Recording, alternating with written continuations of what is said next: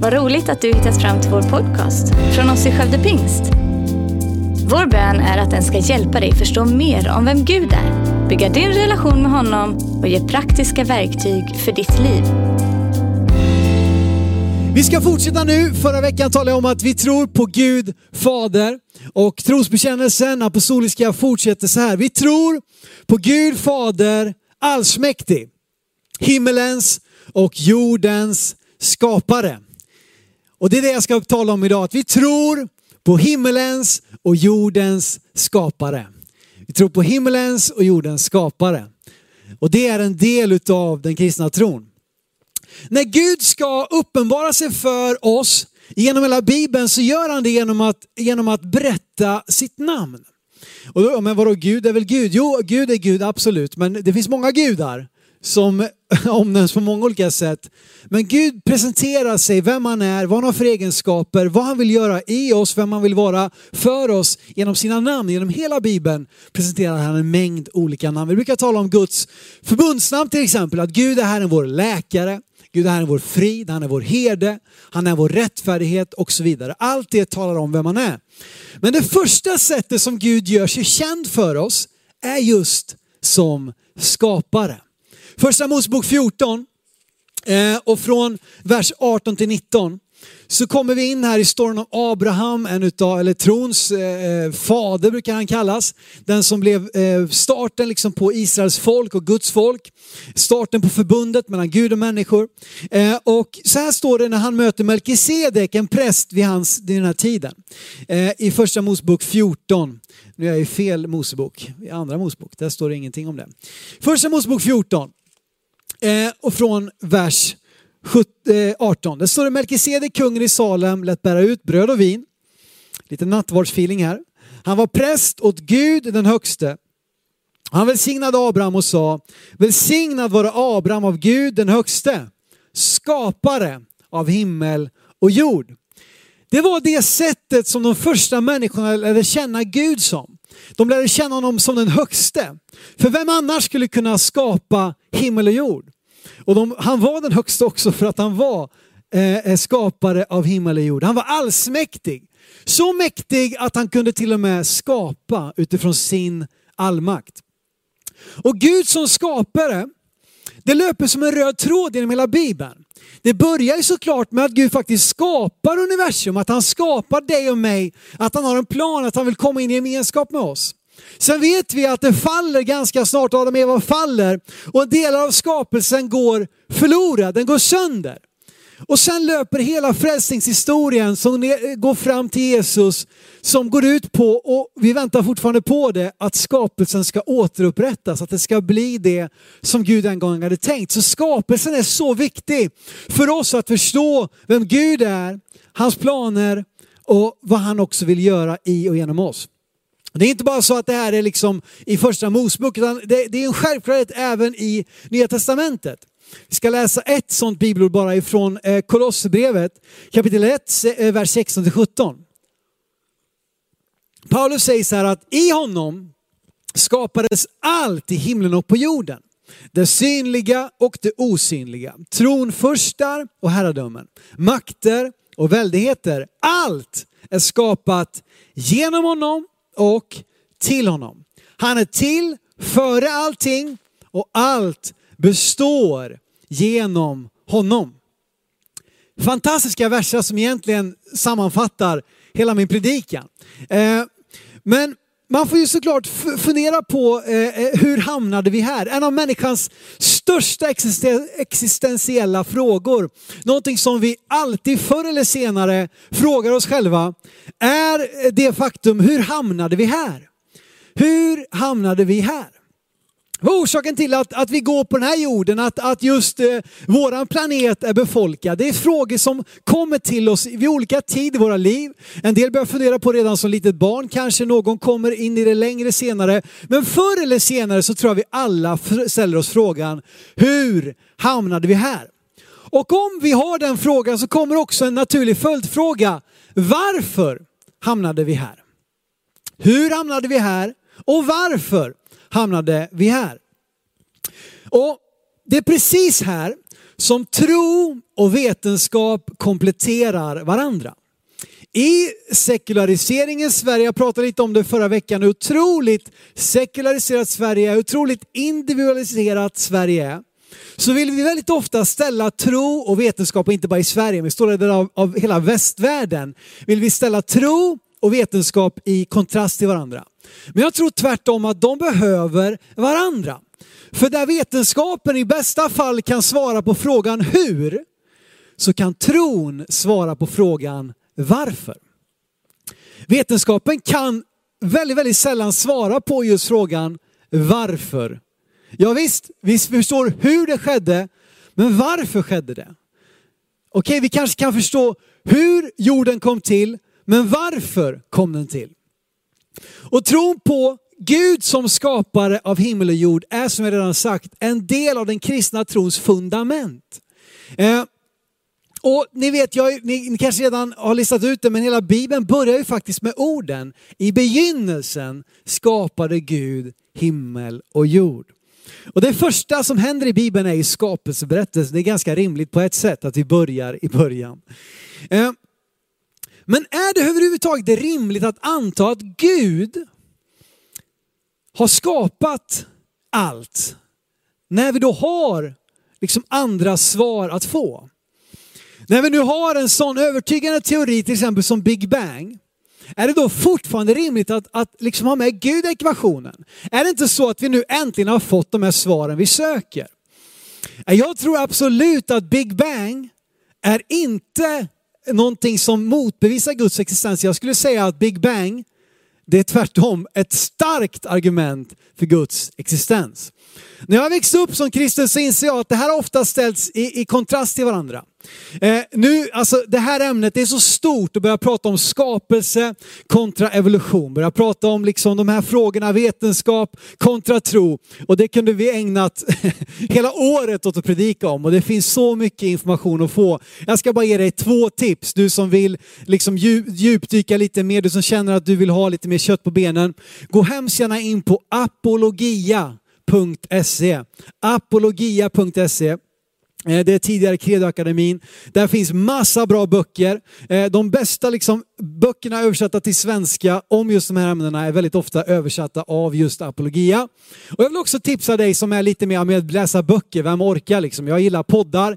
Jag gillar poddar personligen. Och då vill jag tipsa dig bara om en podd, nämligen en podd som heter Trovärdigt? Frågetecken. Som min kollega och vän Mattias Engström i Skogsorkyrkan har startat med en vän. Som handlar just om att, att diskutera tro och vetenskap Eh, på ett lite mer lättillgängligt sätt. Så vill du ha en podd, trovärdigt? Frågetecken. Vill du ha lite mer böcker och andra bra tips, apologia.se och därmed lämnar jag det. Eh, men jag har vuxit upp med en, en, tro på att, att det här med Big Bang och tron på Gud som skapare, att det, liksom, det kan man inte förena. Därför att vi har så ofta då blandat ihop Big Bang med evolutionsteorin och jag skulle väl kunna bara slänga ut det. Jag tror inte att vi kan omfamna evolutionsteorin sådan den är presenterad och förena det med en tro på Bibelns Gud. Det tror jag är svårt. Men tro på Big Bang? Ja men absolut. Förra veckan, och jag har sagt det flera gånger nu så nu måste jag verkligen leverera här. Jag lovade det bästa argumentet som finns för Guds existens. Wow! Jag känner att jag liksom, det gäller nu att leverera till löftena. Men jag tror det, jag, jag menar det. Det här är det bästa argumentet för Guds existens som finns. Eh, och Förra veckan så talade vi om det moraliska gudsargumentet, att det faktum att det finns gott och ont är ett argument för, som pekar på att det finns en gud. Men det finns någonting som har ett ännu finare ord, nämligen det kosmologiska gudsargumentet. Och vissa har vi kanske redan listat ut att det är säkert det här han kommer att prata om. Och var får du allt det här ifrån då Simon? Ja, jag får det inte från så mycket, utan som så mycket annan modern apologetik så har det gjorts, liksom utvecklats och bearbetats av en man som heter William Lane Craig. Så vill du lägga ett namn på minnet så är det William Lane Craig, en professor och en gigant i liksom eh, apologetik, alltså trons försvar och alla de här frågorna. Han har tagit det här argumentet som har funnits långt, långt tillbaka. Han har spårat de här tankarna tillbaka till tusentalet. Men han har tagit det, bearbetat det och gjort det väldigt tillgängligt genom tre enkla påståenden och de kommer här. Nummer ett, allting som börjar existera måste ha en orsak. Nummer två, universum har börjat existera. Nummer tre, alltså måste universum ha en orsak. Enkelt. Nummer ett nu då. Jag menar att det här då visar för oss att det, det, det, vi behöver en Gud. Det behövs en Gud. Men bara för att gå in lite djupare på det här nu då. Eh, allting som börjar existera har en orsak. Säg att du går på stranden och så, eh, eh, som en del av er säkert kommer göra, och så kommer du fram till en plats där det ligger lite stenar så här på, på stranden. Och kanske vi kan få en liten närbild på det här. Men du hittar bara eh, eh liksom lite random stenar som ligger utspridda på stranden. Jag tror inte så många av oss skulle tänka att åh, här, har, här finns det en tanke, här finns det en designer. Därför att det ligger bara huller om buller. Men säg att de här stenarna skulle forma en, en form eller en bokstav. Nu har jag lite för få stenar för att göra hela mitt budskap. Men säg att du skulle komma fram till stranden och så hittar du bokstäverna C, hjärta, S. Och du, genast skulle du tänka, det finns en orsak. Det finns en designer. Här har en människa varit en så enkel form som ett C, hjärta, S skulle få dig att tänka självklart finns det en designer. Självklart finns det en människa här. Eller flera människor. Kanske har de namn som börjar på C och S och kanske de förälskade i varandra. Allt det här skulle du anta utifrån en så enkel sak som ett C, hjärta, S format på en strand. Eh, och jag tror få av oss skulle tänka, du skulle till och med kunna vara på en öde ö och tänka, det har varit människor här. Därför att en sån design, du skulle inte tro att någonting annat skulle ha orsakat det. Det kanske blåste mycket igår kväll. Så tänker du, oj vilken storm det var. Det har format en C-hjärta S på stranden. Ingen av oss skulle tänka så. Eller så är du helt koko och tänker, det finns ingen anledning. Det har inte blåst, det har inte kommit vatten, inga strömmar, inga djur, inga människor. Det bara ligger C, hjärta S skrivet på stranden. Få av oss, om någon, skulle tänka det. För att allting som börjar existera har en orsak. Och det argumentet tror jag att de flesta av oss skulle vara överens om. Oavsett om du kallar dig ateist, eh, kristen, buddhist, liksom, eh, vad vet jag, socialist eller humanist eller eh, vad du än kallar dig så tror jag alla kan vara överens om det här påståendet. Och då är bara kommit till påstående nummer två. Okay, universum har börjat existera. Det här eh, påståendet däremot har varit en lång diskussion omkring. Grekiska tänkare som Platon och Aristoteles tänkte att materia har alltid funnits. Sen kanske den har förändrats men materia har alltid funnits, alltså har universum alltid funnits. Medan judiska tänkare och kanske andra också framför och vill argumentera för att nej, det finns en början. Universum har börjat existera och de hämtar ju såklart det ifrån det som vi har läst här, skapelseberättelsen. Filosofiskt blir det dödläge. Eftersom att båda argumenten liksom rent filosofiskt kan ha lika goda orsaker.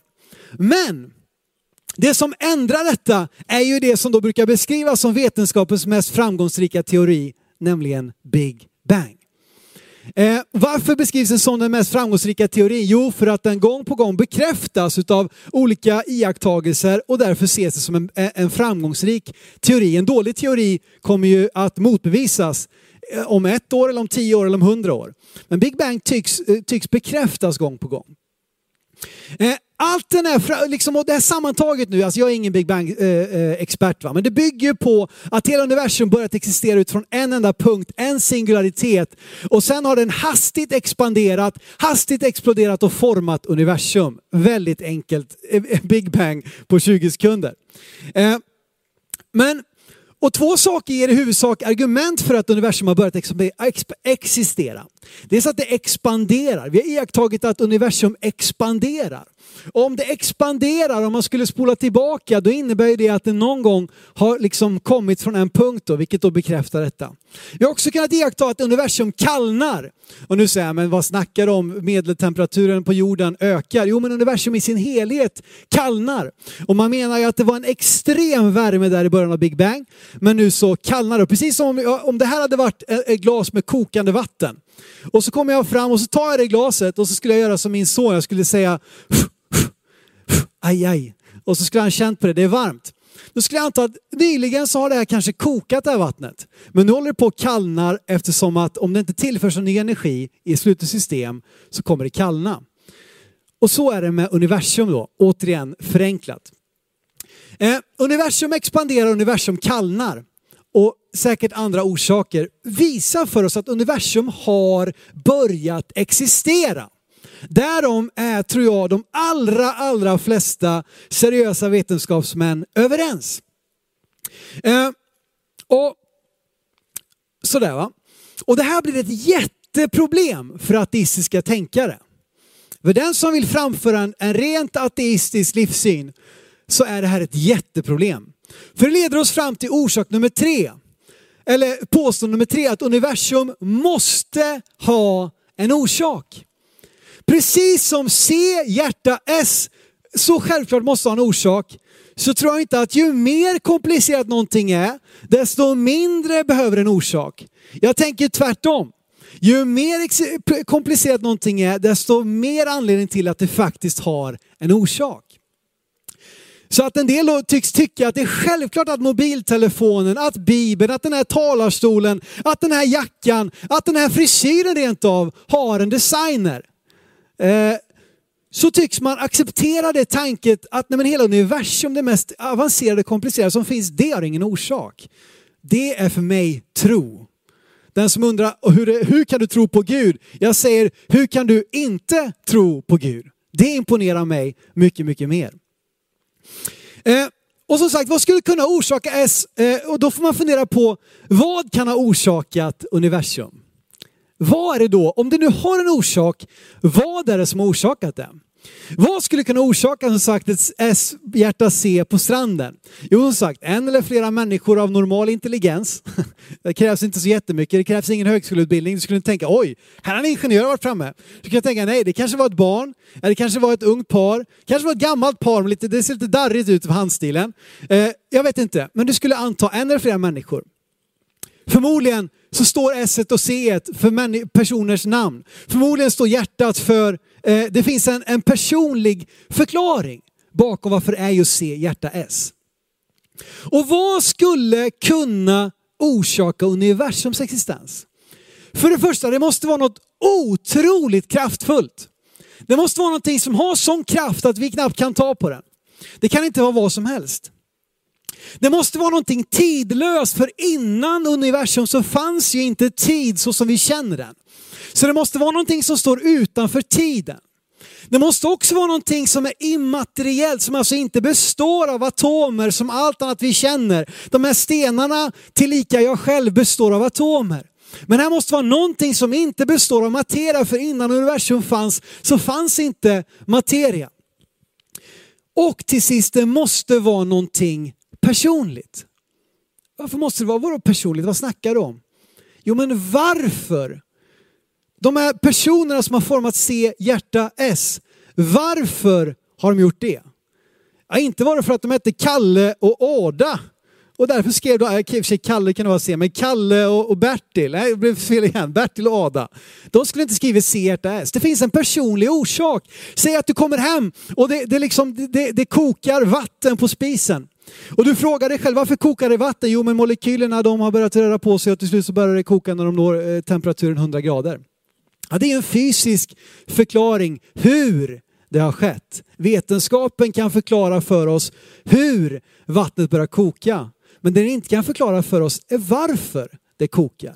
Och då skulle en personlig förklaring kunna vara det att jo, jag vet att du gillar en kopp te när du kommer hem från jobbet och därför kokar vattnet? Varför existerar universum? Varför väljer någonting oerhört kraftfullt, någonting tidlöst, någonting immateriellt att skapa universum? Eller att initiera universum. Varför gör den det? Jo, för att det finns någonting personligt bakom. Han, hon, den, det måste ha en personlig orsak. Att tänka sig att det inte finns en personlig kraft som ligger bakom är som att tänka att stormen skulle orsaka S hjärta C på stranden. Att tänka att det inte finns någon orsak överhuvudtaget är som att tänka att det, det bara, har, det bara har skett. Det det, ingenting som uppstår ur ingenting. Ja, det, det låter osannolikt. Och det är här som blir så jobbigt för ateistiska tänkare, vetenskapsmän och så vidare. Som oavsett till vilket pris som helst vill hålla borta tanken på Guds existens. Richard Dawkins är en av vår tids mest främsta eh, vetenskapsmän och ateistiska tänkare på det området. Han säger så här, biologi är studiet av komplexa ting som ger skenet av att ha blivit designade för ett syfte. Det, ger ske, det verkar som att det har blivit designat av ett syfte, men det har det inte. För i så fall finns Gud. Och det, så kan vi inte ha det. Så vi ska jobba emot vår intuition som förklarar hur självklart det på ett sätt är. Därför att det kräver en Gud.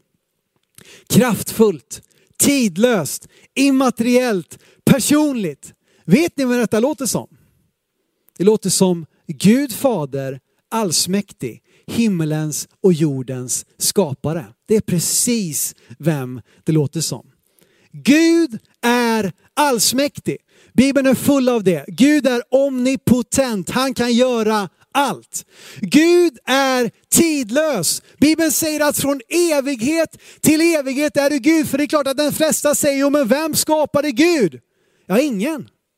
Ja, men allt som har, vem, vem orsakade Gud? Ingen. Han har inte börjat existera, därför behöver han ingen orsak. Han står utanför tid. Vi tänker tid från punkt A till punkt B. Där börjar det, där slutar det. Men om du tänker att Gud är som en cirkel.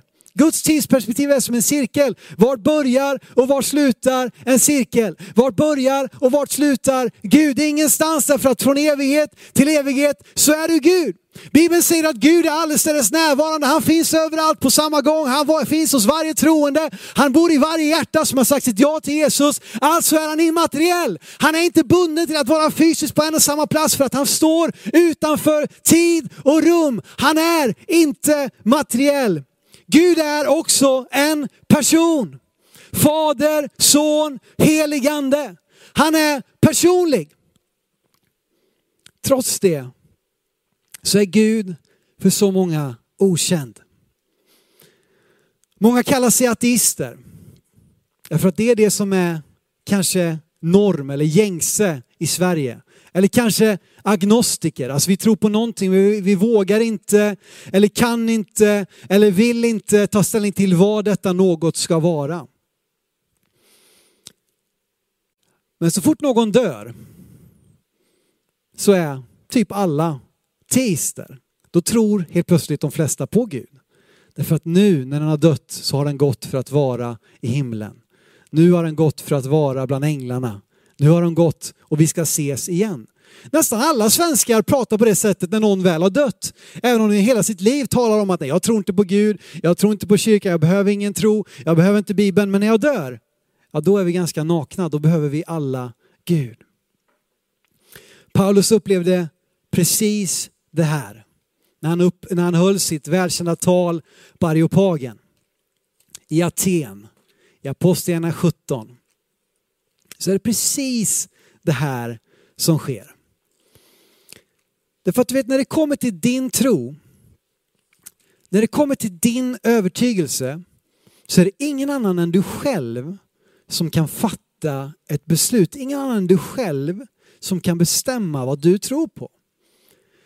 Därför att tron är personlig. Den är inte kollektiv, som att vi inte behöver ta ställning. Den är gemensam men inte kollektiv. Den är personlig men inte privat. Paulus säger så här i sitt tal på Areopagen i Apostlagärningarna 17 från vers 23. När jag har gått omkring och sett era gudabilder har jag nämligen också funnit ett altare med inskriften åt en okänd Gud. Vad ni alltså tillber utan att känna, det predikar jag för er. Gud är den som har skapat världen och allt som är i den. Han som är herre över himmel och jord bor inte i tempel som är gjorda av människohand. Inte heller låter han betjäna sig av människohänder som om han behövde något. Han som åt alla ger liv och anda och allt. Och han har av en enda människa skapat alla människor och folk för att de ska bo över hela jorden. Han har fastställt bestämda tider, utstakade gränser om vilka det ska bo. För att det ska söka Gud. Om de möjligen skulle kunna treva sig fram till honom och finna honom. Fast han inte är långt borta från någon enda av oss. Till honom är det vi lever, rör oss och är till. Så som även några av er egna skalder har sagt, vi är av hans släkt. De tillbad en okänd Gud. Big Bang behöver en första orsak för att kunna förklaras. Big Bang behöver Gud helt enkelt. Våra liv behöver Gud för att få mening och moralisk kompass. Min själ behöver en frälsare för att inte gå förlorad. Vet att vi behöver Gud. Men Paulus säger att det ni tillber utan att känna, det predikar jag för er. Du behöver inte söka längre, därför att hopp finns här. Hopp finns här. Gud är här på denna plats och du kanske inte ens visste om det. Du vet att Gud säger det här att Gud behöver inte dig och mig eller det vi har att erbjuda. Han är upphöjd överallt. Ändå ger han dig och mig liv och anda och allt. Gud ger oss allt som vi behöver. Varför då? Det fortsätter att för att de ska söka honom och finna honom.